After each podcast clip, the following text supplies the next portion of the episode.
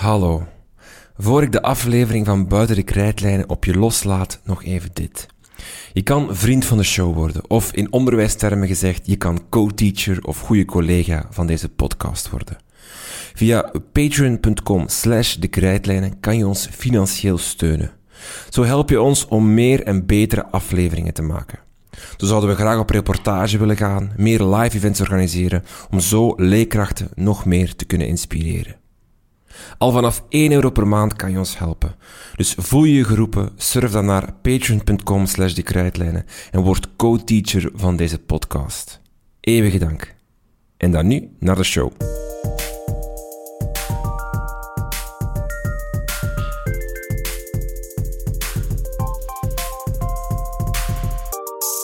Welkom bij Buiten de Krijtlijnen. Mijn naam is Renke van Hoek en dit is uw podcast over onderwijs. Corona woedt nog steeds hevig om zich heen. Daarom besloot men om de hogere jaren van het secundair onderwijs gedeeltelijk terug in afstandsonderwijs te stoppen. Aanleiding genoeg voor ons om even in dat fenomeen van afstandsonderwijs te duiken. We gaan op zoek naar tips en structuur om je afstandsles vorm te geven. We praten hierover met Christel van Hooiwegen en Wouter Bullens van de onderzoeksgroep Excel van Thomas More. Naast de basics gaan we ook dieper in op vragen van de luisteraars. Christel van Hooiwegen en Wouter Bulens.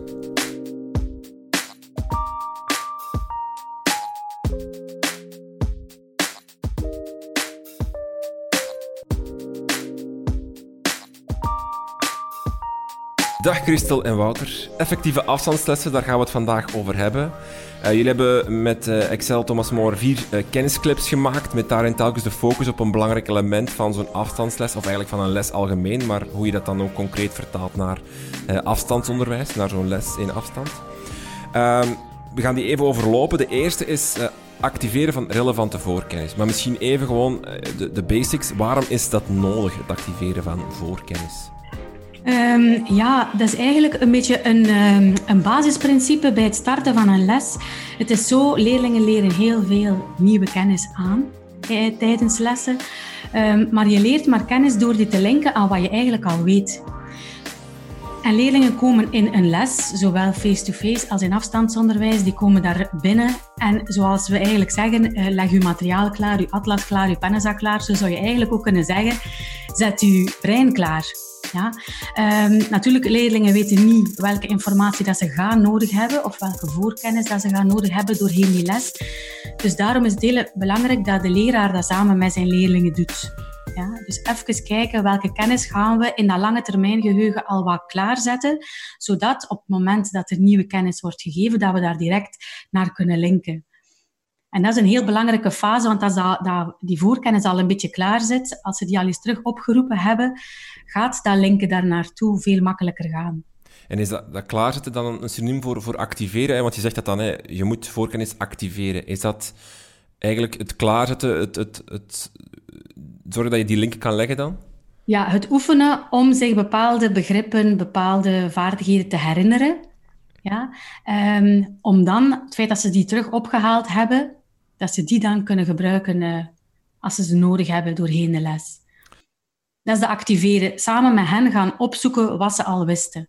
Kunnen we dat naar een concreet eh, voorbeeld vertalen? Bijvoorbeeld je uh, geschiedenisles en je herhaalt dan de vorige les, om, als je daarop verder bouwt bijvoorbeeld? Ja, ja, we zijn bijvoorbeeld bezig met uh, de Koude Oorlog. Wat weten we daar allemaal nog van? Wat waren de belangrijke partijen? Uh, wat waren de oorzaken daarvan? En nu gaan we kijken naar de gevolgen, economische gevolgen, um, ja, al die zaken. Mm -hmm. En wat voor uh, concrete of, of, manieren kan je dat dan doen? is dat gewoon dat ik aan de leerlingen vragen, wat weten jullie nog van vorige, vorige les? Ja, dat zou bijvoorbeeld al kunnen. Dat is een free recall, noemen ze dat. Het vrij ophalen van wat leerlingen al weten. Um, je kan ze natuurlijk, want het is niet noodzakelijk om te zeggen, noem nu alles wat je weet over een bepaald onderwerp. We gaan natuurlijk wel naar relevante voorkennis um, gaan. We gaan die vooral opzoeken. Dus dat kan je effectief doen. Hè. We zijn met dit onderwerp bezig. Wat hebben we er allemaal al over gezien? Je zou ook echt concrete vragen kunnen stellen. We hebben vorige keer dat gezien. Wat waren de drie oorzaken van? Um, dus echt zo die cute recall, dat een beetje, ja, een beetje gidsen een beetje leiden.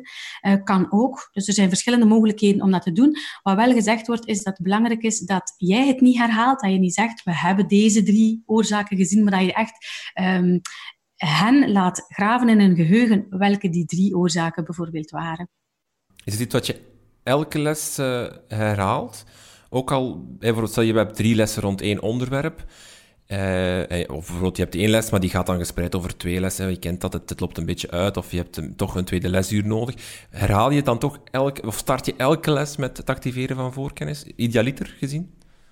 Ja, ik, denk het wel. Ik denk het wel, omdat uh, leerlingen komen, zeker in, uh, niet in afstandsonderwijs, maar zelfs ook in afstandsonderwijs, die hebben het uur ervoor misschien uh, een, een hele uur chemieoefeningen gemaakt, die hebben wiskunde gedaan, die hebben misschien ehm, ja, even buiten gespeeld. Dus het is nooit slecht om ook dat brein voor te bereiden en klaar te maken voor een nieuwe les. Dus in principe ja, het is nooit slecht om elke les kort terug te grijpen naar um, ja, de, de kennis die er al was, hè, om dan nieuwe kennis uh, aan te haken. Ik denk dat het ook wel een belangrijke toevoeging is van, van het, niet alleen het activeren van die voorkennis, maar ook, ook de link aan hetgeen gaat komen om reeds die vooruitblik te werpen op de leerstof die gaat komen. Hè, want pas dan is die, die, die voorkennis eigenlijk relevant, hè, die, gaat, die je gaat activeren. Mm -hmm. Oké, okay, als we dan de link, of de, de, de link leggen met het afstandsonderwijs. Hè. Dus je kan de vraag stellen bijvoorbeeld aan, aan je leerlingen voorzitten van wat hebben we vorige week geleerd gaat moeilijker. Uh, je hebt ze misschien niet, uh, niet uh, real life voor je, op, al was het op je scherm. Soms is het in, in verschillende tijdsmomenten. Hoe pak je dat nu aan, die voorkennis activeren? Uh, in afstandsonderwijs. Hoe vertaal je dat nu naar uh, een les via de computer? Ik denk dat ik daar in de kennisclip ook de nadruk op gelegd heb op pakken vermaaltrinken, van, uh, van het te bekijken vanuit het standpunt dat je de leerlingen niet synchroon bij je hebt, dus dat, het eigenlijk, dat ze eigenlijk voor een stukje zelfstandig thuis aan de slag zijn. En daarom heb ik die nadruk gelegd op die advanced organizers. En meer die, die, die visuele, of ja, moet je zeggen, als een mindmap vormgegeven advanced organizers, waarbij je er ook eigenlijk interactieve elementen aan kan koppelen. En ik heb er ook een beetje, ja, een beetje gelezen naar artikels die daarover bestonden. En dan bleek toch, ook bij, bij de leeftijdsgroep van 12 tot 13-jarigen, dat als je zo'n visuele advanced organizer maakt, waar je interactieve elementen aan koppelt, en ook een beetje wat Christel daarnet meldt, dat, dat je de advanced organizer bijvoorbeeld oningevuld aanlevert, zodat zij eigenlijk de, de elementen in de advanced organizer moeten, moeten invullen. En op die manier ook nog eens de, de voorkennis wordt niet alleen geactiveerd, maar ze moeten die ook nog eens actief gaan ophalen uit hun geheugen om het zo te koppelen eigenlijk. Uh, wat versta ik onder zo'n advanced organizer? Is dat, is dat een soort van structuur van, van de lessen van het onderwerp? Met, met uh, inderdaad, of, ofwel in de mindmap structuur of in een, um, een kennisboomachtig gegeven? Ja. Het is een, een, grafisch overzicht eigenlijk van, van de hoofdpunten met dan vertakkingen naar de, naar de, de deelelementen eigenlijk van uw lessen. En daarbij, daar kun je dan ook nog, ja, ik denk dat ik dat voorbeeld ook in de kennisclip gegeven heb, daar kun je eigenlijk bijvoorbeeld ook nog audiofragmentjes aan koppelen. Bijvoorbeeld omdat ja, de leerling zit thuis alleen, die moet zelf zijn weg zoeken door die advanced organizer. En als jij als leraar dan ook nog eens in beeld of gewoon met, met, uh, ja, met audiofragmenten aan het woord komt, dan kan je de le leerling eigenlijk van op afstand ook vrij goed gidsen uh, doorheen die voorkennis. Ja. Dus bijvoorbeeld, je geeft de structuur van, van het hele lesonderwerp, waarbij je ook het deel van de vorige bijvoorbeeld uh, niet invult of half invult. En je vraagt dan aan het begin van de les, jongens, vul even dat stukje in. En dan kan je direct ook de koppeling maken naar het andere deel van die advanced organizer. Dit gaan we vandaag even bespreken. Ja, klopt. Ja. Ze kunnen daar bij, wijze van spreken ook op, eh, op, op in- en uitzoomen, dat ze zien dat dat stukje waar we nu mee bezig zijn, hoe past dat eigenlijk in het grotere plaatje? En die mogelijkheden heb je als je ja, met, met ja, ik weet niet wat voorbeeld dat ik gegeven heb, Lucid Chart, denk ik dat ik als gegeven heb. Uh, daar kan je dan in- en uitzoomen. Bijvoorbeeld uh, pop-upjes laten verschijnen waar de lesdoelen nog eens uh, uitge, geëxpliciteerd worden. Van die dingen kan je daar dan um, ja, mee maken. Ja. ja. dus met Lucidchart kan je zo'n interactief uh, advanced organizer maken die leerlingen dan zelf kunnen doorlopen of invullen en, en met inderdaad nog filmpjes en dergelijke bij. Oké. Um, we gaan verder in de les. We hebben onze voorkennis geactiveerd. Dan gaan we nieuwe leerstof aanbrengen. Heel belangrijk volgens jullie is het gebruik van uh, goede concrete voorbeelden uh, in de les. Waarom is dat zo belangrijk? Ook in een gewone les? Wel, het is zo, um, als we nieuwe leerstof willen aanbieden aan de leerlingen, dan um, kunnen we dat doen door meteen aan de slag te gaan met oefeningen en aldoende um, samen met de leerlingen te ontdekken hoe bepaalde procedures, hoe bepaalde werkwijzen in zijn werk gaan. Onderzoek toont dat het veel uh, efficiënter vooral is ja, om uitgewerkte voorbeelden te tonen of zelf als leraar een uitgewerkt voorbeeld te zijn. Ja, je mag gerust eens tegen je leerlingen zeggen, uh, zet u vijf minuutjes rustig, leg je pen neer. Ik zal jullie vertellen hoe iets moet, hoe je bijvoorbeeld vergelijkingen oplost. Ja? Ik doe dit zo, ik doe dit zo, ik doe dit zo daarom. En uh, als je eindigt op x is gelijk aan 5, dan ben je er. Je toont als het ware hoe dat succes eruit ziet. Ja, um, en de leerlingen kunnen in een volgende stap jouw demonstratie eigenlijk, jou, wat je voorgetoond hebt, gaan zij imiteren in een volgende oefening. Boek je betere resultaten door te werken met uitgewerkte voorbeelden? Dat is eigenlijk niet gezegd. Het gaat gewoon veel efficiënter. Ja. En het is zo, de leerlingen die moeten zich eigenlijk op niks anders concentreren dan begrijpen um, hoe jouw denkwijze in elkaar zit. Dus eigenlijk als je bijvoorbeeld, eh, je legt de theorie uit en dan wil je een oefening maken en je zegt, jongens, probeer maar eens dat is op zich niet slecht, maar heel efficiënt leren is dat niet. Je kan dan beter één oefening uh, eens voordoen aan bord, traag, uh, stap voor stap, dat jij als leerkracht het oplost eigenlijk. En leerlingen kijken, dan dat je zegt, probeer het eens en dan gaan we samen straks ja, overlopen. je gaat op het einde van de rit ga je het allemaal in beide situaties even goed kunnen, maar het ene werkt gewoon veel efficiënter dan het andere. Wat ook heel interessant is, is bijvoorbeeld om uitgewerkte voorbeelden met elkaar te vergelijken. Een goed uitgewerkt voorbeeld, stel uh, je wil een sollicitatiebrief opstellen samen met je leerlingen. Ja. Dan kan je een aantal voorbeelden tonen. Een hele goede sollicitatiebrief, een veel minder goede. En dan kijken waarom is de ene goed, waarom is de andere minder goed. Maar je werkt al met voorbeelden. Dus niet we gaan eens één eh, samen opstellen en dan gaan we kijken wat er goed aan is of wat er minder goed aan is. Alweer, het efficiënte speelt daar een heel belangrijke rol.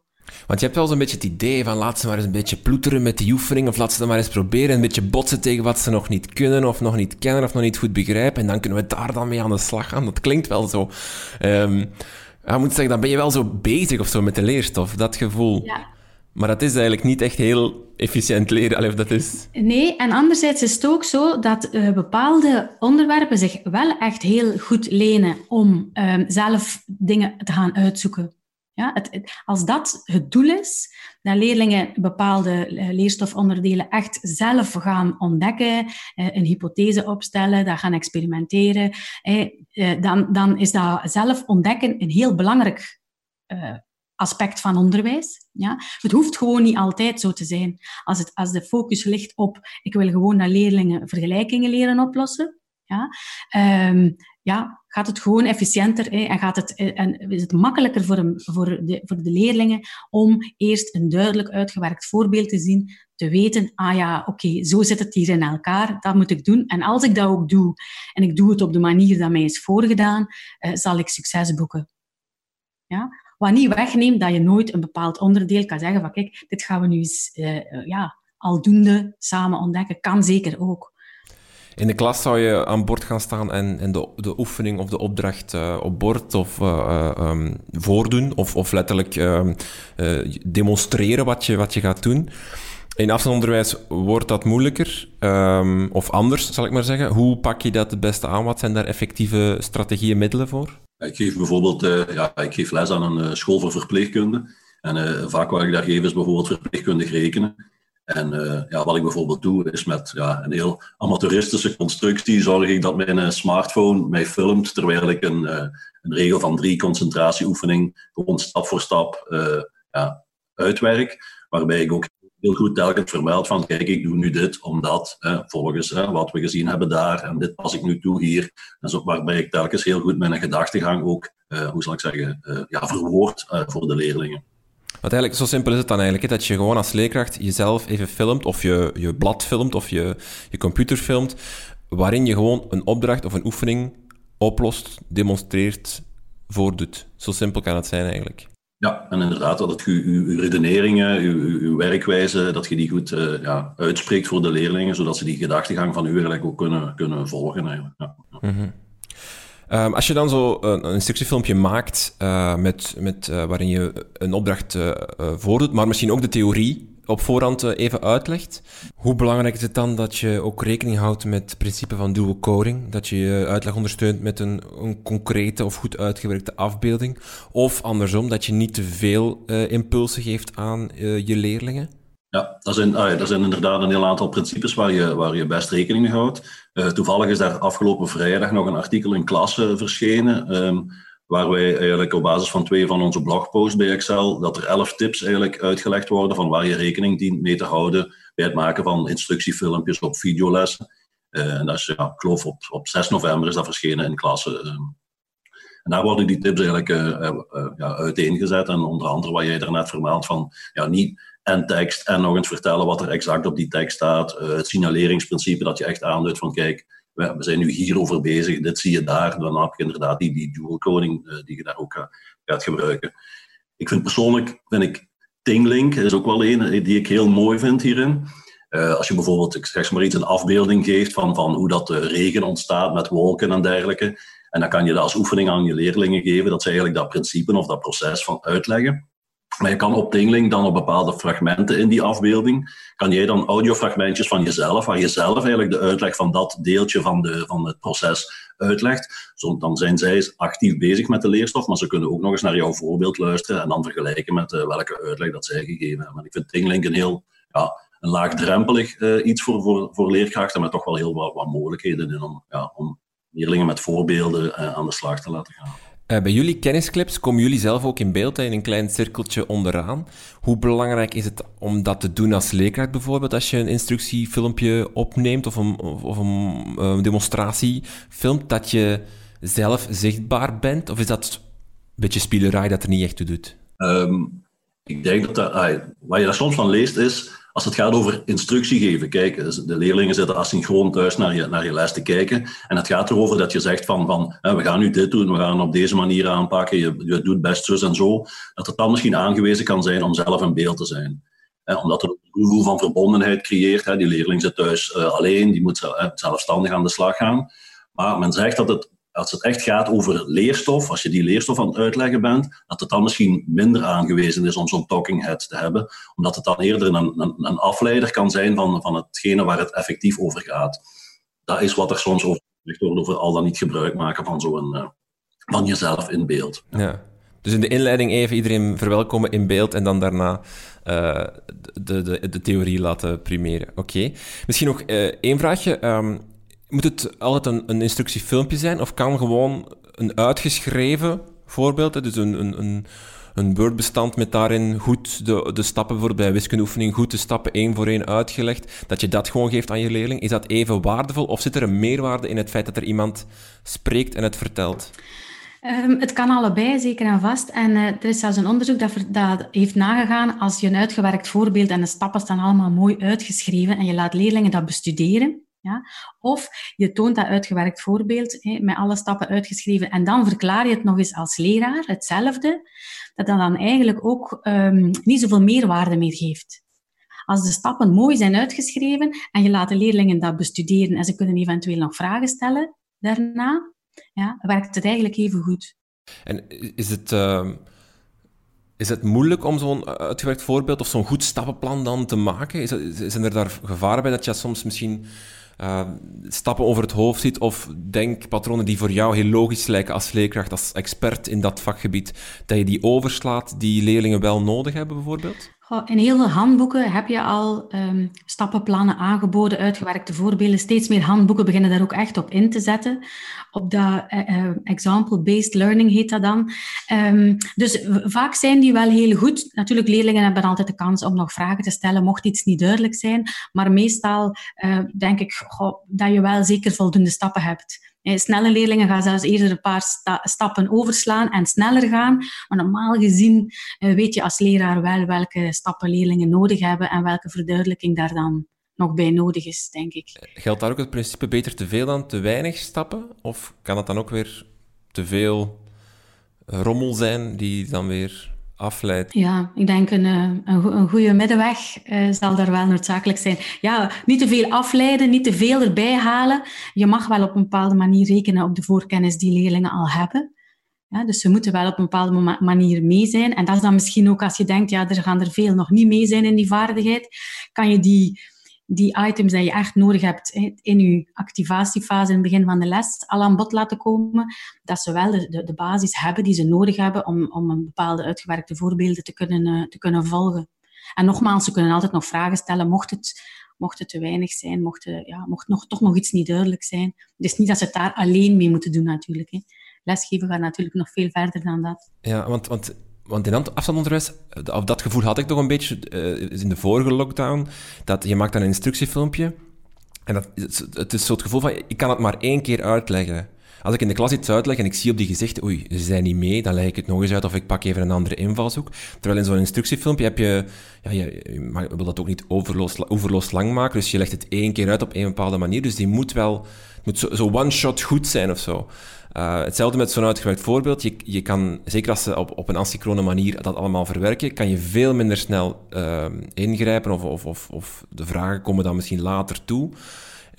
Uh, dat maakt het misschien soms wel moeilijk om zo'n uitgewerkt voorbeeld in een stukje filmpje of in geschreven vorm echt perfect te krijgen of zo.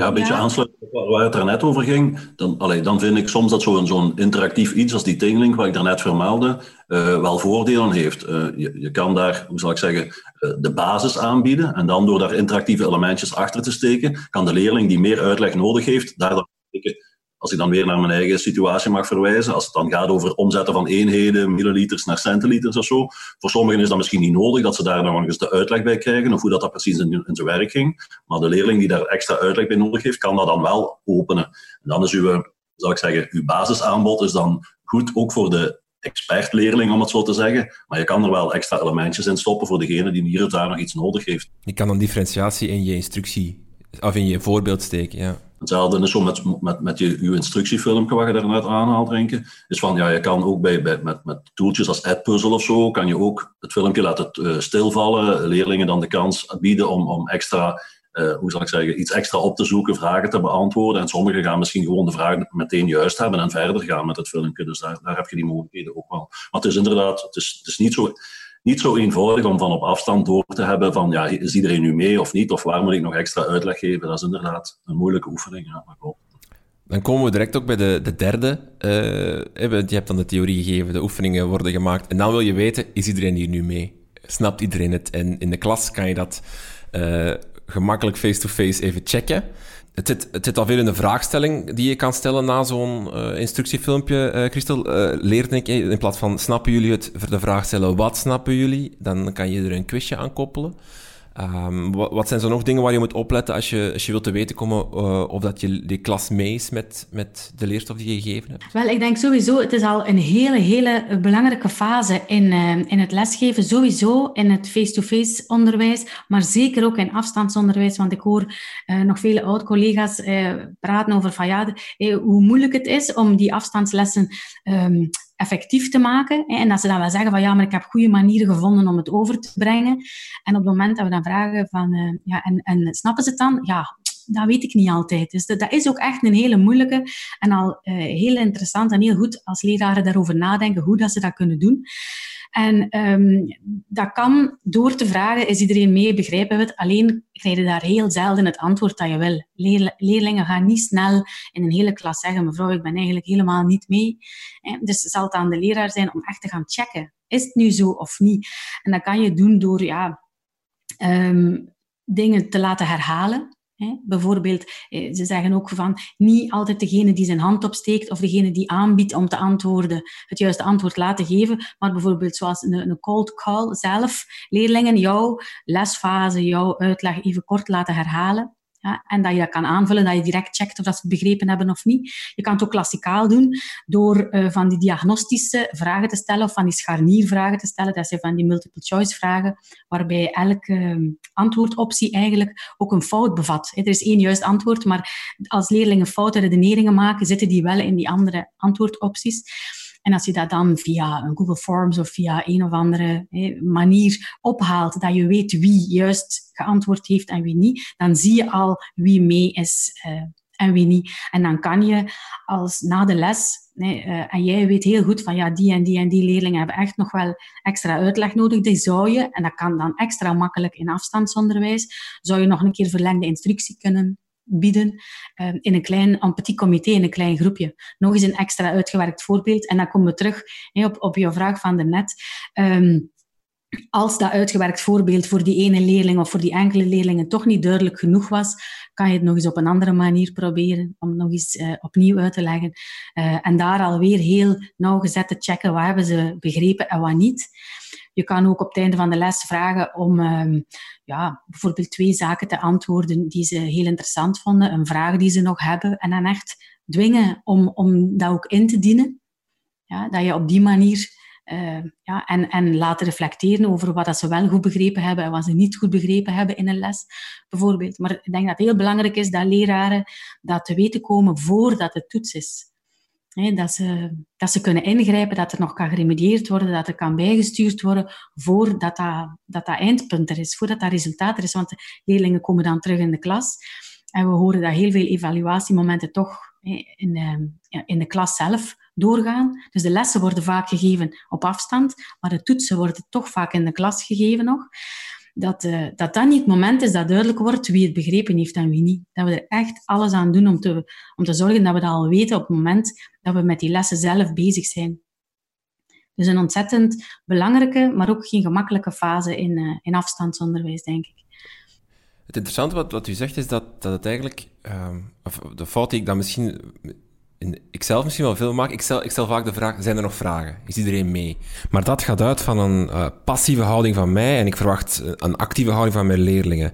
Maar dat is dus blijkbaar niet correct, want leerlingen gaan dan niet toegeven dat ze dat niet kunnen voor een volle klas. Ja, en ook, um, het gaat allemaal zo snel. We vragen dan wel, um, is iedereen mee? Niemand antwoordt. We laten ze één secondje nadenken en hup, we gaan verder. Eigenlijk zouden we ook die wat langer bedenktijd mogen geven blijkt door dat we, dat we als leraren met z'n allen eh, leerlingen heel weinig bedenktijd geven, zelfs wat minder dan één seconde. Um, en dat we vaak uh, niet zo hele diepe vragen stellen, dat we hele oppervlakkige vragen stellen van die weetjes of organisatorische vragen. Heeft iedereen zijn boek bij, bijvoorbeeld? Maar echt eens laten nadenken, wat begrijp je niet? Waar heb je nog een vraag over? Daar, daar hebben ze even, even tijd voor nodig. En die tijd voorzien we ook vaak niet. Dus zo, we willen wel weten, is iedereen mee? En, maar die knikken dan en dat is wat bevestigend. Maar eigenlijk, ja, zoals ik zei, uh, moeten we echt ze wat dwingen om, om daarop te antwoorden. Is dat dan misschien iets wat afstandonderwijs uh, wel heeft, namelijk door het feit dat het vaak asynchroon gebeurt, dat leerlingen wel die tijd kunnen nemen? Er is, je, kan je leerpad of je, je, je les, afsluiten met uh, een check van snappen jullie het? En dan heeft de leerling wel tijd om even te kijken, of om zelf na te denken, snap ik eigenlijk alles? Eh, is dat dan een soort van meerwaarde die afstandsonderwijs wel heeft tegenover in de klas? Goh, ik denk, in de klas kan het ook. Het is gewoon een kwestie van er uh, aandacht aan te besteden. Alleen heb je, ja, asynchroon of digitaal, heb je meer, um, meer opties. Hè? Uh, maar je kan in, een gewone les ook gewoon op een kladblaadje laten noteren van wat snap je wel, wat vind je moeilijk, wat, bij welk onderdeel zou een extra uitleg wel nog interessant voor jou zijn? Ze scheuren dat uit, dat papiertje, leggen dat vooraan op de lessenaar van de leraar op het moment dat ze doorgaan. Dus het kan eigenlijk op, op allebei de manieren, uh, afstandsonderwijs en gewoon. Maar ja, die digitale mogelijkheden zijn wel mooi en die, die kan je zeker uh, inzetten in afstandsonderwijs. Welke mogelijkheden zijn er allemaal om, om te checken of je klas mee is? Welke tools, uh, apps kan je daarvoor gebruiken? Wat ik zelf nog wel eens gebruik is, is uh, Google Forms inzetten als een, uh, als een exit ticket. aan het einde van de les bijvoorbeeld gewoon in je scherm of als het in de klas is van voor op, op je presentatie een QR-code tonen. De leerlingen scannen die eventjes met hun smartphone. thuis zal dat wel geen probleem zijn. In de school is het natuurlijk de voorwaarde dat ze die smartphone ook mogen gebruiken. Maar ja, ik spreek nu echt uit 18-plus onderwijs. Uh, dat ze die eventjes kennen. Wat hebben ze opgestoken? Waar worstelen ze nog mee? Wat zouden ze een volgende les nog aan bod willen laten komen? Um, dus dat is een methode die ik al wel eens gebruik, zo'n exit-ticket. En leerlingen geven zelf ook aan dat ze daar toch wel ja, de meerwaarde van inzien. Zeker als ze dan ook de volgende les merken dat er ook effectief iets mee gedaan wordt hetgene dat ze hebben ingeleverd. Dat is dan wel belangrijk. Uh, nog een leuke die je in de, in de kennisclip uh, vertelde was uh, Whiteboard FI of, of FI of FI. Um, dat, je, dat je aan elke leerling een whiteboard kan toebedelen, een gratis tool. En dan kan jij als leerkracht meevolgen wat ze erop schrijven. Je kan dan één whiteboard delen, je kan alle whiteboards delen. Um, verschillende de mogelijkheden. Ja, ik vond dat inderdaad een hele mooie. Dat is nog niet zo lang geleden dat, dat ik hem ontdekte. Ik weet niet meer via wie, ik had het ergens gezien. Um, en uh, ook het, leuke daaraan is, is dat, je, dat je het live kan opvolgen. Het is niet, het is niet achteraf. Ja, omdat je, wat je daarnet ook eigenlijk aangeeft, van, van ja, ik maak een kennisclip, maar op, dat ogenblik kan ik er niet op inspelen. Maar met die, met die whiteboard.5 kun je er eigenlijk wel op dat ogenblik inspelen. Uh, het mooie eraan is, het zijn niet alleen meer keuzevragen. Je kan leerlingen ook effectief laten schrijven, zeker als ze over een tablet beschikken of zo. Maar uh, ja, ik vond het ook wel een hele mooie. Je kan één, hoe zal ik zeggen, whiteboardje apart benaderen, zonder dat de andere leerlingen dat zien. Dan maakt het ook weer uh, anoniem of, of toch veilig voor de leerlingen om, om, om antwoorden te geven. En je, hebt, je bereikt ze allemaal. Um, het, is weer niet die specifieke leerling in de klas die je aanduidt om het antwoord te geven. Um, plus ze zijn actief bezig, uh, zeker als het in, in, in, een online context is. Ja. Vond ik inderdaad een mooie tool.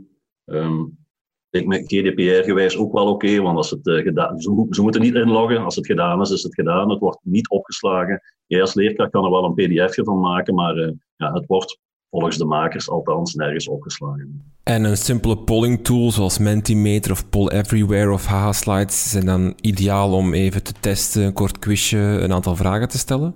Ja, ik vind dat inderdaad ook wel een handige. Ook hier weer, ja, dat je de leerlingen genoeg tijd geeft om, om te antwoorden. Maar je kan eigenlijk heel makkelijk het linkje van je, van je Poll Everywhere of je Mentimeter kan je eigenlijk vrij vlot in de, in de chat uh, uh, plakken. En jij kan dan je, je scherm delen. De leerlingen zien de, ja, als een soort van autocue kan je de antwoorden laten verschijnen. Of, of eerder in een woordwolk of zo. En dan is het natuurlijk ook belangrijk om met die, ja, met die antwoorden die er gegeven worden, om daarmee aan de slag te gaan in de, in de live sets als het, als het over online onderwijs gaat, waar, je, waar je de leerlingen toch dikwijls moet trachten te betrekken bij, bij je les, heb ik over tijd geprobeerd met Wheel of Names. Uh, dat is zo een, eh, een, een, rad waar je aan kan draaien. En dat rad kan je instellen op bijvoorbeeld 5, 6 of 7 seconden. En je leerlingen, hun naam staan daarop.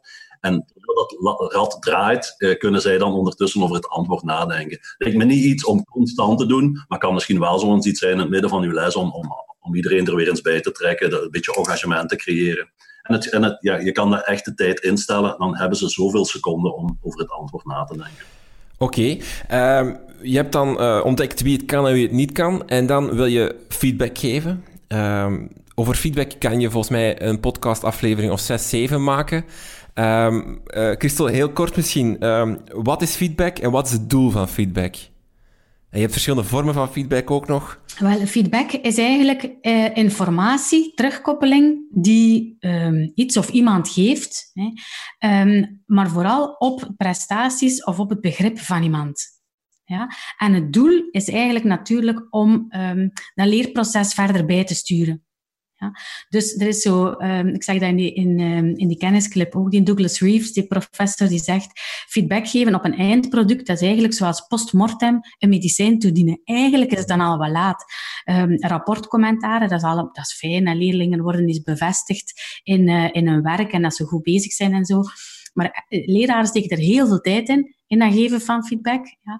En als we echt willen dat, dat, dat leerlingen daar iets mee doen, dat dat rendeert, dan, moeten we dat, kunnen we dat best doen tijdens het leerproces. Om zowel de taak beter te maken, maar ook vooral die leerling beter te maken. Daar gaat het dan vooral om.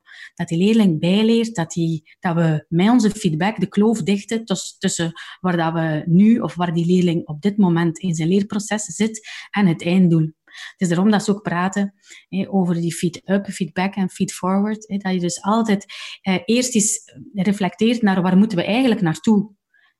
Normaliter communiceren we ook onze doelstellingen met de leerlingen, dat ze goed weten wat, waar dat ze eigenlijk mee bezig zijn.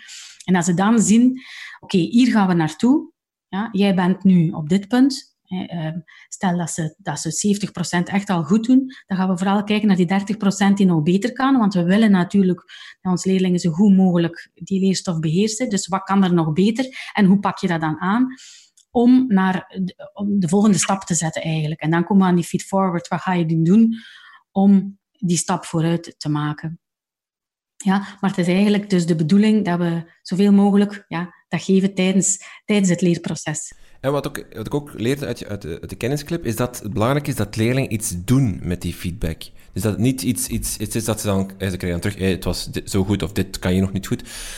En, en bouw het stop. Nee, leerlingen moeten dan een actie doen met die feedback. Eh, dat kan dan bijvoorbeeld het verbeteren van een taak zijn. Of... Ja, ja. Um, dus het is de bedoeling dat ze inderdaad, leraren geven heel veel feedback, maar als er echt een actie aangekoppeld is, van kijk, nu wil ik dat je dat aanpast en mij bijvoorbeeld terug afgeeft, ja, dan, dan doen ze daar iets mee. Leerlingen gaan ook, dat zijn rekenende individuen, dat is wat kost en baten, van ga ik dat nu doen? Eh, wordt dat nog terugverwacht, die taak? Of, of zegt, zegt, zegt de leraar eigenlijk van, ja, um, in een volgende taak kun je het beter zo aanpakken, maar er, dat hoeft niet uh, een gevolg te hebben, dan, steekt, ja, dan blijft die feedback heel vaak in de boekentas zitten. Dus als we echt aan iets laten doen, dan... Ja, dan, dan, uh, dan wordt dat een deel van dat leerproces ook. En dan gaat onze, onze goed bedoelde feedback ook gewoon niet verloren. Je kan bijvoorbeeld ook stellen, dat heeft dan vaak met schrijftaken te maken, um, dat je als leraar niet het hele werk van een leerling verbetert en telkens uh, heel nauwgezette feedback noteert, maar bijvoorbeeld zegt, je geeft het pas af als je zelf eerst twee sterke punten en twee zwakke punten van je werk hebt opgenoemd.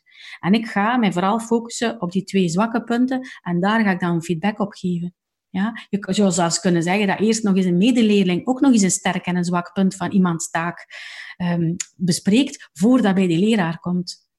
Ja, leraren hoeven niet alle feedback zelf te geven. We kunnen door zo'n dingen te doen, uh, zowel leerlingen als die, die peers wel in gang steken, in actie steken om, om, om er iets mee te doen.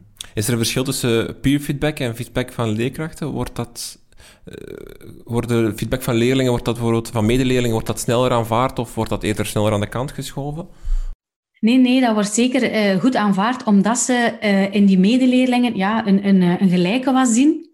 En uh, ze aanvaarden dan die feedback wel heel vaak. En het is ook wel zo dat op een bepaald niveau, want natuurlijk, ja, een leerling is geen, of een medeleerling is geen expert, dus die feedback is niet altijd van hetzelfde niveau als dat van een leraar, maar dat ze toch dat, dat op, op uh, het niveau dat de taak uh, afgeleverd wordt, dat, dat klasgenoten daar wel vaak zinvolle dingen over kunnen zeggen.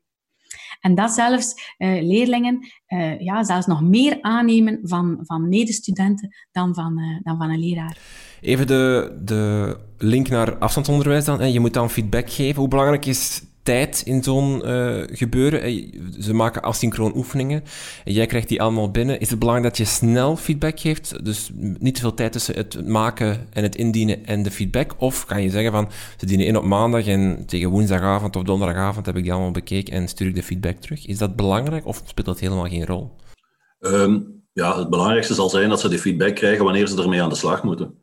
Of dat dan super snel moet zijn, maar, maar ik denk eerder juist op het ogenblik dat ze die feedback gaan, gaan, gaan nodig hebben. Ik denk dat dat belangrijk is. En uh, als ik even op mag terugkomen op uh, dat van die peer feedback daarnet. Um, ik denk dat je dat ook gemakkelijk oh, goed in een, in, in, in een afstandsles of in een online les kan, kan uh, integreren. Door bijvoorbeeld met van die breakout rooms te werken. En dat, dat het bij peer feedback ook wel een voordeel is dat, de, dat dege, degene die de feedback moet geven, dat hij daar ook voordeel aan heeft, omdat hij of zij er zelf ook dient over na te denken. Uh, over, ze hebben bijvoorbeeld allebei een opdracht gemaakt en dat die uh, leerling dan feedback geeft vanuit zijn eigen ervaring bij het maken van zijn eigen opdracht. Dus ik denk dat het op, dat vlak ook wel, wel belangrijk is. Dat oh, belangrijk is of een voordeel is voor de gever van de feedback ook. Ja, als ik nog iets mag aanvullen, het blijkt ook dat um, door peer feedback te geven, dat leerlingen ook nog harder gaan reflecteren over hun eigen werk en zelf hun eigen werk ook nog beter gaan maken daardoor. Weer dat vergelijken van voorbeelden, het vergelijken van taken, zorgt er ook voor dat, uh, dat, dat, ze de eigen taak nog gaan verbeteren. Het is misschien inderdaad wel handig om hun ook wat handvatten aan te reiken, bijvoorbeeld op, op basis van een rubriek of zo, dat ze ook ja, iets, iets hebben om op terug te vallen waarbij ze de feedback uh, geven. Hè. Hoe hou ik het bevatbaar als, als leerkracht om in afstandsonderwijs feedback te geven? Want um, bijvoorbeeld in een les, ze maken een oefening en daarna los ik die klassiek al op en ik bespreek enkele vragen en ik heb hup, iedereen bij wijze van spreken feedback gegeven op zijn oefening en tegelijkertijd bepaalde problemen opgelost. Uh, in afstandsonderwijs krijg ik 25 of als ik twee klassen heb, 50 oefeningen binnen via BookWidget of via welke tool dan ook. Die moet ik dan allemaal individueel allez, bekijken. Het wordt, ik zal, om het samen te het wordt snel heel veel en heel veel um, wat je dan individueel wil gaan bespreken. Je kan je daar snel in verliezen dat het een ongelooflijk aantal um, dingen zijn die je moet verwerken en, en bespreken. Zijn daar tips of, of, of tricks voor om dat bevattelijk te houden? Uh, misschien kan het al een hulpmiddeltje zijn om niet alle feedback uh, te schrijven of te typen. Door misschien gewoon uh, audio-comments te geven bij, bij feedback of, of, of, of videoboodschappen. Ik denk dat je dan op kortere tijd meer feedback kunt geven aan de, aan de leerlingen. Dus ik denk dat dat misschien al een oplossing kan zijn.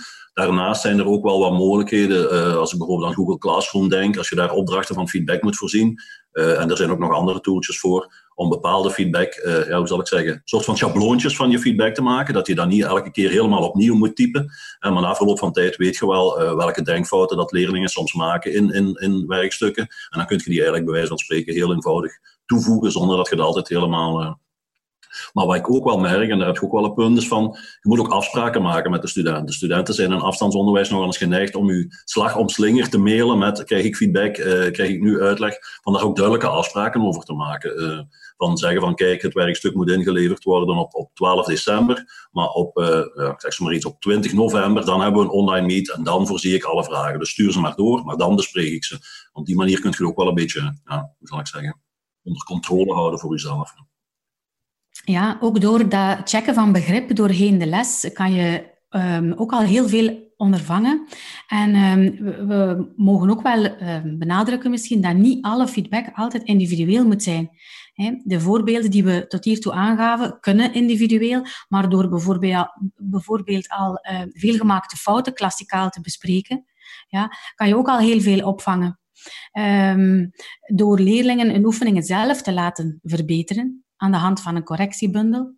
En duidelijk te laten nagaan wat, het, wat er fout liep.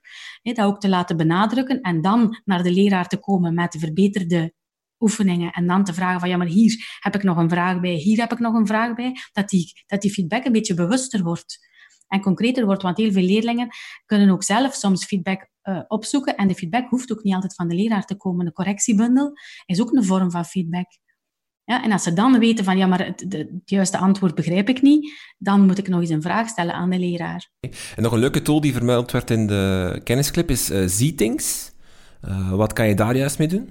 Um, daar combineert je eigenlijk een aantal zaken wat we vandaag hebben, uh, hebben besproken. Uh, onder andere checken van begrip. Het, het, leuke daaraan vind ik, of wat ik merk, dat heel veel mensen uh, niet volledig opnieuw willen beginnen. En wat kun je daar doen bij Zietings? Is eigenlijk uw PowerPoint of uw Google-presentatie als PDF gedownload en geüpload, of uw Canva-presentatie kan je daar uploaden. Daar worden aparte diatjes van gemaakt.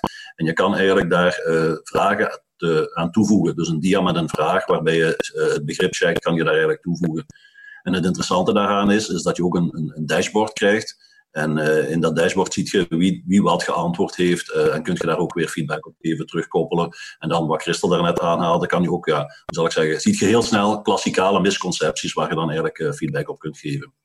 Vond ik wel een heel interessante, omdat het ook zo weinig moeite kost om het te maken. Want uh, ja, we steken er allemaal veel tijd in om onze lessen om te vormen naar, naar online lessen. En uh, daar kan je gewoon met je bestaande PowerPoint uh, aan de slag.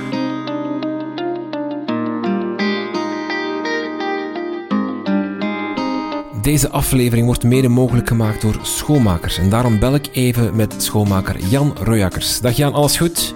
Goedemorgen Rinke, jawel, alles heel goed. We hebben het vandaag over afstandsleren, een grote verandering die scholen opnieuw moeten maken, snel schakelen. Hoe kan schoolmakers, scholen of leerkrachten daarbij helpen? Wel, eh, in eerste instantie hebben we gezorgd dat leerkrachten een paar heel concrete handvaten kunnen vinden op onze website. Dus wanneer je naar schoolmakers.be surft, dan zal je zien dat er een oranje balk is met houvast voor afstandsonderwijs, waar mensen heel concrete blogs vinden met tips en tricks om lessen blended of van op afstand of helemaal online te gaan organiseren. Maar ook uh, tips en tricks om aan voldoende zelfzorg te doen als leraar, om jezelf hier ook niet in te gaan verliezen in toch weer al een tweede golf waarin dat we zaken moeten gaan herdenken. En ook houvast voor het schoolbeleid op zich, om ook echt op, in het bredere plaatje te gaan kijken hoe er doordacht gedigitaliseerd kan worden uh, en doordacht ook naar afstandsonderwijs kan worden overgeschakeld.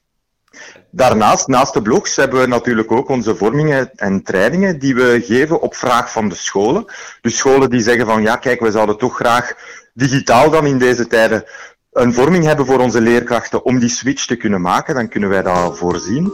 En evengoed uh, kijken we ook daar um, met het schoolbeleid hoe in een breder traject uh, die digitalisering van de school ook doordacht en kwaliteitsvol kan gebeuren. Op welke vlakken dat de school wel al aan het digitaliseren is, waar dat dan nog niet zo is, uh, en wat dat de volgende stappen kunnen zijn voor de school. En alle info vinden ze op jullie website? Ja, schoolmakers.be. Daar staat alles mooi opgelijst. Oké okay, Jan, dankjewel. En dan gaan wij verder met de show.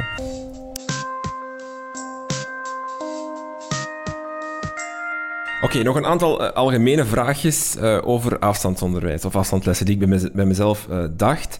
hoe belangrijk is het om, om real-time lessen te geven? Dus om te zeggen van we gaan nu allemaal samen op Zoom, Smart School Live zitten en ik ga hier nu de les geven voor een bepaalde periode. Tegenover er is een leerpad dat je asynchroon tegen een bepaalde datum moet doorlopen op je eigen tempo.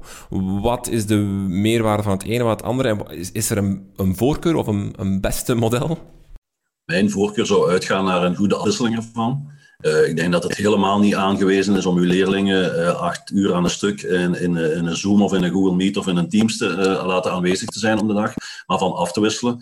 Uh, zelf begin ik vaak met, met, met een online live sessie, bijvoorbeeld uh, om 9 uur. Hè, dan spreken we af. Uh, en daar luister ik eventueel naar vragen. Ik, koppel terug naar een exit ticket, wat we vorige keer gedaan hebben. En dan geef ik oefeningen in breakout rooms, individueel of weet ik wat. En we spreken af om 10 uur, half 11, komen we terug online. Want ik, zou daar, ja, ik zou daar een beetje een evenwicht in zoeken. Ik denk dat leerlingen enerzijds wel behoefte hebben aan dat al is het dan uh, digitaal contact. Anderzijds is het natuurlijk ook niet aangewezen om de hele tijd naar uw, naar uw scherm zitten te kijken en te luisteren of zo. Dus ik denk dat de, de afwisseling wel belangrijk is. In hoeverre moet je een afstandsles vormgeven zoals een gewone les? Want eh, de dingen die we nu besproken hebben, die, die zijn eigenlijk dingen die algemeen gelden om goed tot leren te komen, die je ook in een gewone les moet doen. Voorkennis activeren, feedback en dergelijke. Anderzijds kan ik me ook wel voorstellen dat er wel een verschil zit tussen de denkwijze van een afstandsles. Het is zoals, zoals u daarnet zegt, Wouter, je moet niet, niet zeven uur een leerling voor, voor zijn computer in een Zoom-call zetten. Welk, moet je anders denken toch als je een afstandsles maakt of als je in afstandsonderwijs zit als leerkracht? Ik zou daar onder andere op zeggen dat je um, rekening mee moet houden dat je in 50 minuten afstandsonderwijs niet hetzelfde, dezelfde hoeveelheid gedaan krijgt als in 50 minuten contactonderwijs. Uh, iets wat we uh, vorig jaar in, uh, ja, in, onze school, dan zal ik maar zeggen, ook gedaan hebben, is ja, toch een beetje kijken van ja, wat is de essentie, nog meer dan anders. en misschien iets vaker op die essentie terugkomen in afstandsonderwijs dan dat je in contactonderwijs zou doen. meer activerende, of nog meer activerende werkvormen in uw online onderwijs trachten te verwerken dat is, dat is iets wat, wat, wat ik denk dat anders dient te gebeuren in online onderwijs. Ja. Ik denk dat je anders de leerlingen nog sneller gaat, gaat overladen met, uh, met informatie. Instructietijd of instructiefilmpjes of gewoon zo het, het, het Zoom-lesgegeven, hè, waar je als leerkracht vooral um, um, aan het woord bent of uh, uh, feedback bespreekt en dergelijke. Hoe lang mag dat ongeveer duren? Is daar zo'n soort van richtcijfer naar? Van hou het zo lang, want anders haken ze af, je leerlingen? Als je bedoelt zonder dat er iets gebeurt, dan leest je wel eens zes minuten, zeven minuten, uh, alvorens dat er effectief iets dient te gebeuren waar ze mee aan de slag moeten gaan, uh, wat je daarvoor verteld hebt. Ja. Als we even naar, naar schoolniveau gaan, hoe belangrijk is het dat, dat uh, scholen of een schoolbestuur of een schooldirectie het, het afstandsonderwijs stroomlijnen, waarin ik bedoel van dat alle leerkrachten bijvoorbeeld dezelfde tools gebruiken. Dat bijvoorbeeld alle lessen op Smart School Live gebeuren en niet in geschiedenis in Google, in Google Hangout en dat in Zoom. En hoe belangrijk is dat er een soort van stroomleiding komt? Um, als ik weer kijk naar, naar onze leerlingen, maar ik denk dat dat voor andere leerlingen niet, niet, niet anders is, is uh, dat er steeds vertrokken wordt van op dezelfde locatie. Uh, welke tools dat je dan uh, gebruikt tijdens die les, dat dat minder van belang is. Dus het is helemaal niet de bedoeling dat iedereen Quizlet gebruikt of iedereen Kahoot uh, gebruikt, maar wel vertrekken van ah, leerlingen geven bij ons aan van kijk, Google Classroom is het platform, vertrek dan daarvan. Niet zeggen van die stuurt een link door via mail voor, voor, om naar die Google Meet te gaan, die deelt zijn bestanden vanuit Google Drive, die zet ze naar PowerPoint in, maar dat het, het startpunt, dat dat, dat, dat hetzelfde is. Dus dat er vertrokken wordt vanuit dezelfde locatie Dat geven leerlingen bij ons in alle geval aan. Dat geeft ook duidelijkheid aan de leerlingen. Ik denk dat dat wel een belangrijke is. Qua structuur, en dan heb ik het vooral over, um, volgt een leerling een lessenrooster, zeer gestructureerd, 50 minuutjes, bam, bam, bam, uh, en dan is de dag gedaan. Uh, moet een school dat eigenlijk overnemen, dan misschien niet letterlijk in, in duur en in hoeveelheid. Het is niet dat, dat hij 32 uur voor zijn computer moet zitten, maar wel dat er een soort van schema is van, kijk, hup, dit is hoe de week eruit ziet en de volgende week en de volgende week. Want we gaan misschien nu voor een zestal weken of viertal weken, ik weet niet meer hoe lang dat is, het semester, um, naar afstandonderwijs in de tweede en de derde graad. Is het belangrijk dat ze zeggen van, kijk, dit is hoe je week eruit ziet voor de komende drie, vier weken? Um, ik denk dat dat wel van belang is. Uh, dan kijk ik ook naar die kleine steekproef die hier bij mijn thuis rondloopt, die in het zesde middelbaar zit. Zij, zij verwoordt dat heel dikwijls, dat, dat, dat ze dat wel belangrijk vinden van wat, wanneer, om hoe laat. En ja, ik denk niet dat het aangewezen is om echt uw, uw uurrooster van zeven of acht uur uh, exact over te nemen in uw online onderwijs, maar wel dat het voor de leerlingen heel duidelijk is. En ten tweede, dat, dit is zo wat meer organisatorisch, maar ik denk ook dat het heel belangrijk is dan wat je aanbiedt, leerpaden waar je bijvoorbeeld net over, over, over had, uh, dat die heel duidelijk zijn opgebouwd. Dat leerlingen goed weten van oké, vandaag gaat dit gebeuren, we gaan dat op deze manier doen, dat gaat ongeveer zo lang duren, ik werk aan die doelen, dat was de voorkennis die ik nodig heb. Dat die structuur ook heel duidelijk is, dat is heel belangrijk. Ik zeg het misschien wat, wat zwart-wit, maar soms zie ik het toch gebeuren. Het is niet voldoende om te zeggen, hier is de mail en dat is de PowerPoint en je wil dat volstaat niet. Ik denk dat die structuur heel belangrijk is, want anders uh, moet je er rekening mee houden dat die leerlingen eigenlijk al heel veel van hun verwerkingscapaciteit verliezen, gewoon door de, door de slechte opbouw van, van, het leerpad. En dat is wel belangrijk om te vermijden. Ja, maar dat is wel iets, eh, daar komt het in de kennisclips ook even over, over dat werkgeheugen. Dat, is van, dat, is, dat kan een zestal items of zo uh, kort bijhouden. Het is heel snel overbelast bij mensen, bij leerlingen. In hoeverre speelt dat afstandsonderwijs daar ook een rol in? Ik kan me wel voorstellen, of ik, ik heb dat, merk dat zelf uh, op, de, op de UNIF. Ik, ben soms al, al een beetje moe van gewoon het zoeken naar het juiste bestand op Blackboard en dan moet je dat downloaden en dan ben je daar al zo mee bezig voordat je begonnen bent. Ben je al, is je werkgeheugen al deels overbelast? Is dat ook een gevaar dat leerkrachten kunnen, uh, dat ze vooraleer dat ze maar tot de les komen of tot het leren komen, dat ze bijvoorbeeld al door een nieuwe tool te introduceren, door een nieuw platform te gebruiken, door uh, een, een, een, leerpad dat niet helemaal duidelijk is, dat ze eigenlijk dan al het werkgeheugen wat overbelasten of, of al te veel druk opzetten van een leerling? Ja, ik denk dat dat, denk dat, dat zeker een risico is. Uh, maar ik zag Christel haar mond open gaan, dus ik denk dat ik Christel nu even aan het woord ga laten. ah, nee, nee, nee, nee. Ik wou eigenlijk alleen, uh, alleen aanvullen hè, dat we um, dat heel veel zaken dat werkgeheugen kunnen belasten. En dat alles wat, wat daar niet voor nodig is, dat we dat uh, proberen zoveel mogelijk achterwege laten. Dat de, dat de focus kan gaan naar die leerinhouden inderdaad, zoals dat Wouter heel mooi zei, een vaste structuur, dat dat telkens um, ja, dat dat vaststaat waar ze moeten naar kijken, dat ze die doelen gemakkelijk kunnen terugvinden, dat helder is welke oefeningen uh, moeten gemaakt worden, waar ze die correctiebundels vinden. Um, die verwachtingen, de verwachtingen mogen hoog liggen, uh, maar wel haalbaar, maar dat ook leerlingen heel goed weten wanneer uh, boek ik hier succes, hè, wanneer ben ik er, um, ja, dat, dat, dat alles helder is, dat daar al geen nodeloze energie aan verspild wordt. En inderdaad, een fijne tool mag, als, als het maar niet eh, overal een andere, en ze moeten zeven appjes nog installeren voor ze eens kunnen antwoorden. Uh, een, een, bepaalde uniformiteit kan zeker, kan zeker mooi zijn, denk ik daarin. De scholen zouden daar wel best een paar keuzes in maken, toch? Want je hebt wel een overdaad aan tools. Hè? Gewoon al de tool om, om uh, te, te livestreamen met je klas. Hè? Je kan in Zoom, Hangout al die dingen. Dat scholen daar wel zeggen van, kijk, kijk al onze leerkrachten, al onze lessen gaan via die tool. Um, en Google Forms wordt ons standaard exit-ticket of zo, dat, dat, dat je een soort van vertrouwdheid krijgt bij leerlingen. Van ja, kijk, ah, het is een exit-ticket, dat is via Google, dat werkt zo, zo, zo. Dat ze die omgeving herkennen. Is dat, dat dat toch belangrijk is? Ja, absoluut. Dus is een beetje een evenwicht zoeken daar, daarin. Hè. Het hangt, ik denk dat het ook een beetje afhangt van de, de, de voorgeschiedenis van de school als, als, als uw leraren al, al vijf jaar bezig zijn met het gebruiken van tools, met, uh, leerlingen zijn er al mee vertrouwd, uh, dat, dat die tools gehanteerd worden in de les, dat is natuurlijk ook anders. Maar wat Christel aangeeft, uh, is, is 100% waar. Het is niet de bedoeling dat leerlingen dan, download nu deze app nog, die heeft misschien een Windows-platform, die heeft een Chromebook, dat zijn ook allemaal dingen om, om rekening mee te houden. En zorgt ervoor dat studenten overbelast geraken of nog erger afhaken voordat, voordat ze nog maar met de leerinhoud bezig zijn. Dus ja, hou het eenvoudig, ook als leraar, zeker in een online les. Gebruik alleen die tools die je in de vingers hebt, want er is niet zo vervelend. Zelfs niet in de klas is dat al heel vervelend, maar online is dat nog vervelender uh, als het niet loopt zoals je gepland hebt dat het loopt of dat je het niet aan de, aan de praat krijgt. Ja. En ik zou nog aanvullen dat, dat we niet gek moeten willen doen in, in die tools allemaal, dat, leerling, dat het daar eigenlijk uiteindelijk ook niet over gaat. leerlingen zijn heel blij als ze les begrepen hebben, als ze oefeningen kunnen maken. En uh, dus, ja, motivatie, of succeservaringen leiden tot motivatie, meer dan dat we ze met allerlei tools willen motiveren, maar dat dan het succes zou uitblijven. Ja. uiteindelijk, die, al die tools zijn maar een middel om uh, te proberen goede lessen te geven. Maar, maar het feit dat, dat leerlingen succes boeken en voelen dat ze het kunnen en de leerstof beheersen, uh, zal, zal altijd blijven primeren. Nog uh, een aantal vraagjes van onze luisteraars. heel, een aantal vragen kwamen over motivatie en betrokkenheid. En dan vooral dan interactie. En Doreen Bala, Tine, Tine Simoens vroegen zich af, hoe kan ik mijn leerling eigenlijk best motiveren? Hoe kan ik zorgen voor betrokkenheid? hoe zorg ik voor interactie? Dat blijkt een, een moeilijke te zijn op, in afstandsonderwijs of in afstandslessen. Ja, dat, dat, blijkt ook uit onderzoek. Hè. In Engeland hebben ze een onderzoek gedaan met, met, uh, met, bij ouders en die gaven ook aan dat leerlingen veel minder gemotiveerd zijn in afstandsonderwijs. Hier in Vlaanderen blijkt dat ook zo te zijn. Uh, dus dat is inderdaad wel een puntje. In, in de klas kan je heel snel leerlingen er eens bij halen. Hè, en en je, ziet het direct als ze niet gemotiveerd zijn.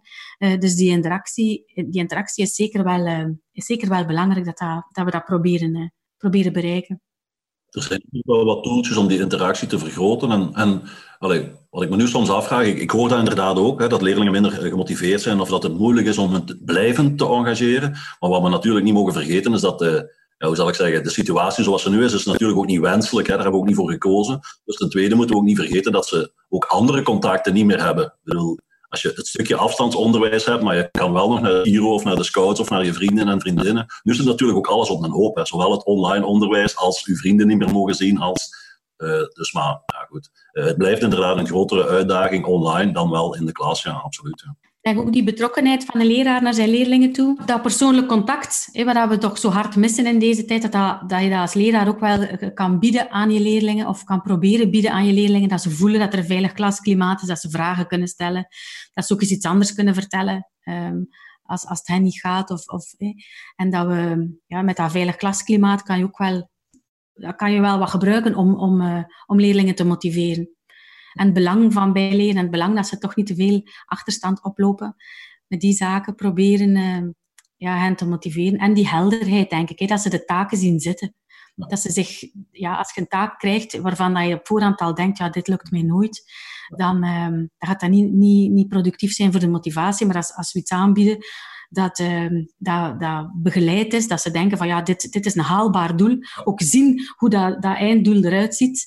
Dat zal wat zien alweer hoe dat succes eruit ziet, dan uh, dat zijn allemaal kleine factoren die wel kunnen helpen in die motivatie. Voor die interactie tussen, tussen leerlingen te, te bevorderen, um, welke tools of tips zijn daarvoor? Is, is, is, is dat vaak gewoon uh, de, de, de uitdaging om de drempel zo laag mogelijk te houden. Hè? Want eh, met je camera uh, en je micro aanzetten en dan zo in zo'n tool als Zoom of, of Smart School Live praten, lijkt me een hoge drempel als leerling om dat te willen doen. Um, is dat dan, kan je gewoon zorgen dat dat laag blijft om te kunnen interactie te, te brengen? Ja, de, de, hetgene wat ik daar zou, zou kunnen suggereren, is wat we straks al eventjes over hadden, zijn die breakout rooms. Dat je de leerlingen, net zoals dat je in een school zou doen, in, in groepjes laat samenwerken. En uh, ja, uh, gisteren heb ik daar toevallig nog iets van gelezen. In die groepjes zijn ze toch, dan toch vlugger geneigd om hun, hun, hun gedachten te zeggen, uh, eventueel zelfs eventjes te ventileren over de situatie zoals ze is, los van, van, van leerstof. Dus breakout rooms lijken mij daar wel een, een, een goede manier om, om, om, om daarop in te spelen.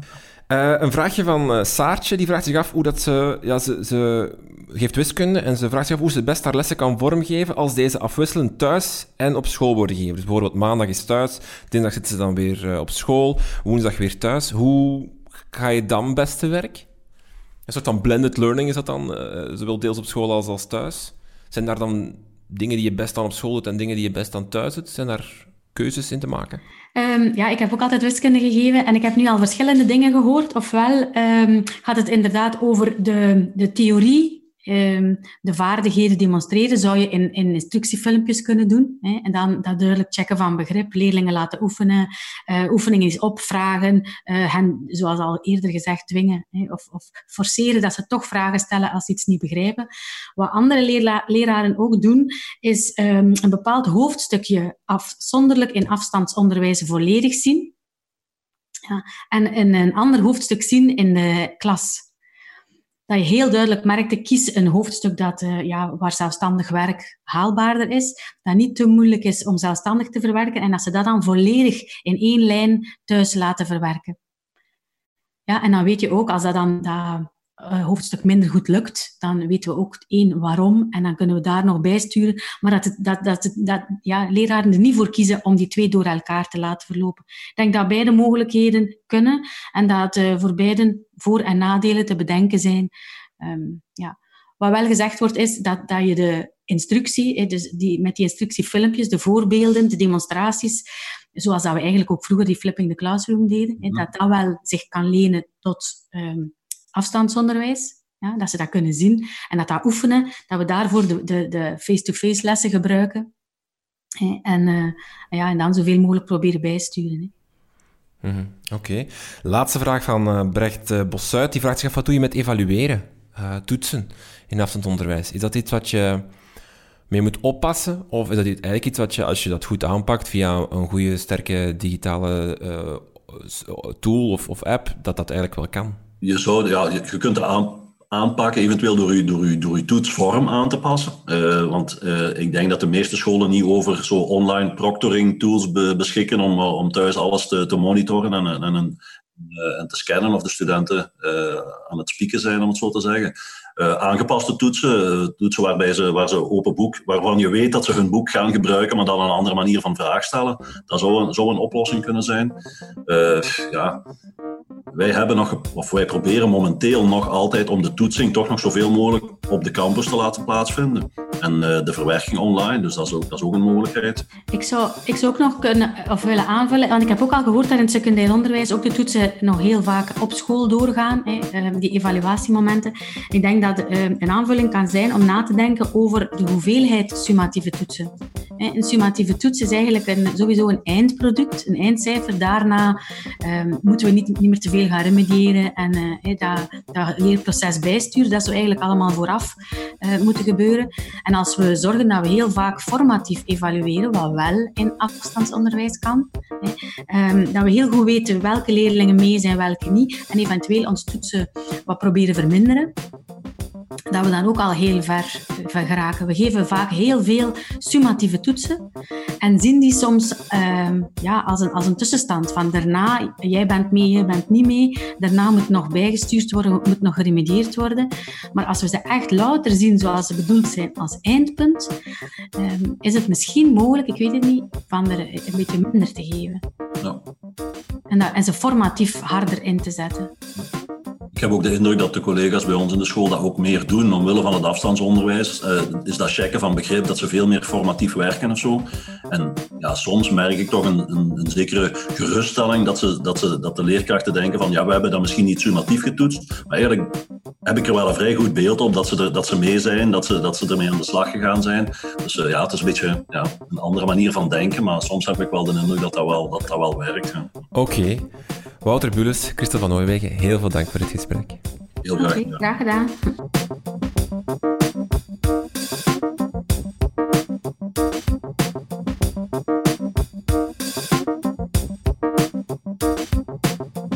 En zo zijn we weer aan het einde gekomen van deze aflevering. Hopelijk zijn jullie wat met de vele tips van Christel en Wouter en zijn jullie helemaal klaar om effectieve afstandslessen te maken.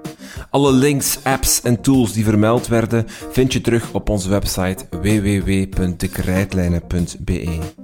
Volg ons ook via Facebook, Twitter of Instagram. Geef ons een like of druk op die volgknop. Veel dank voor het luisteren en tot de volgende.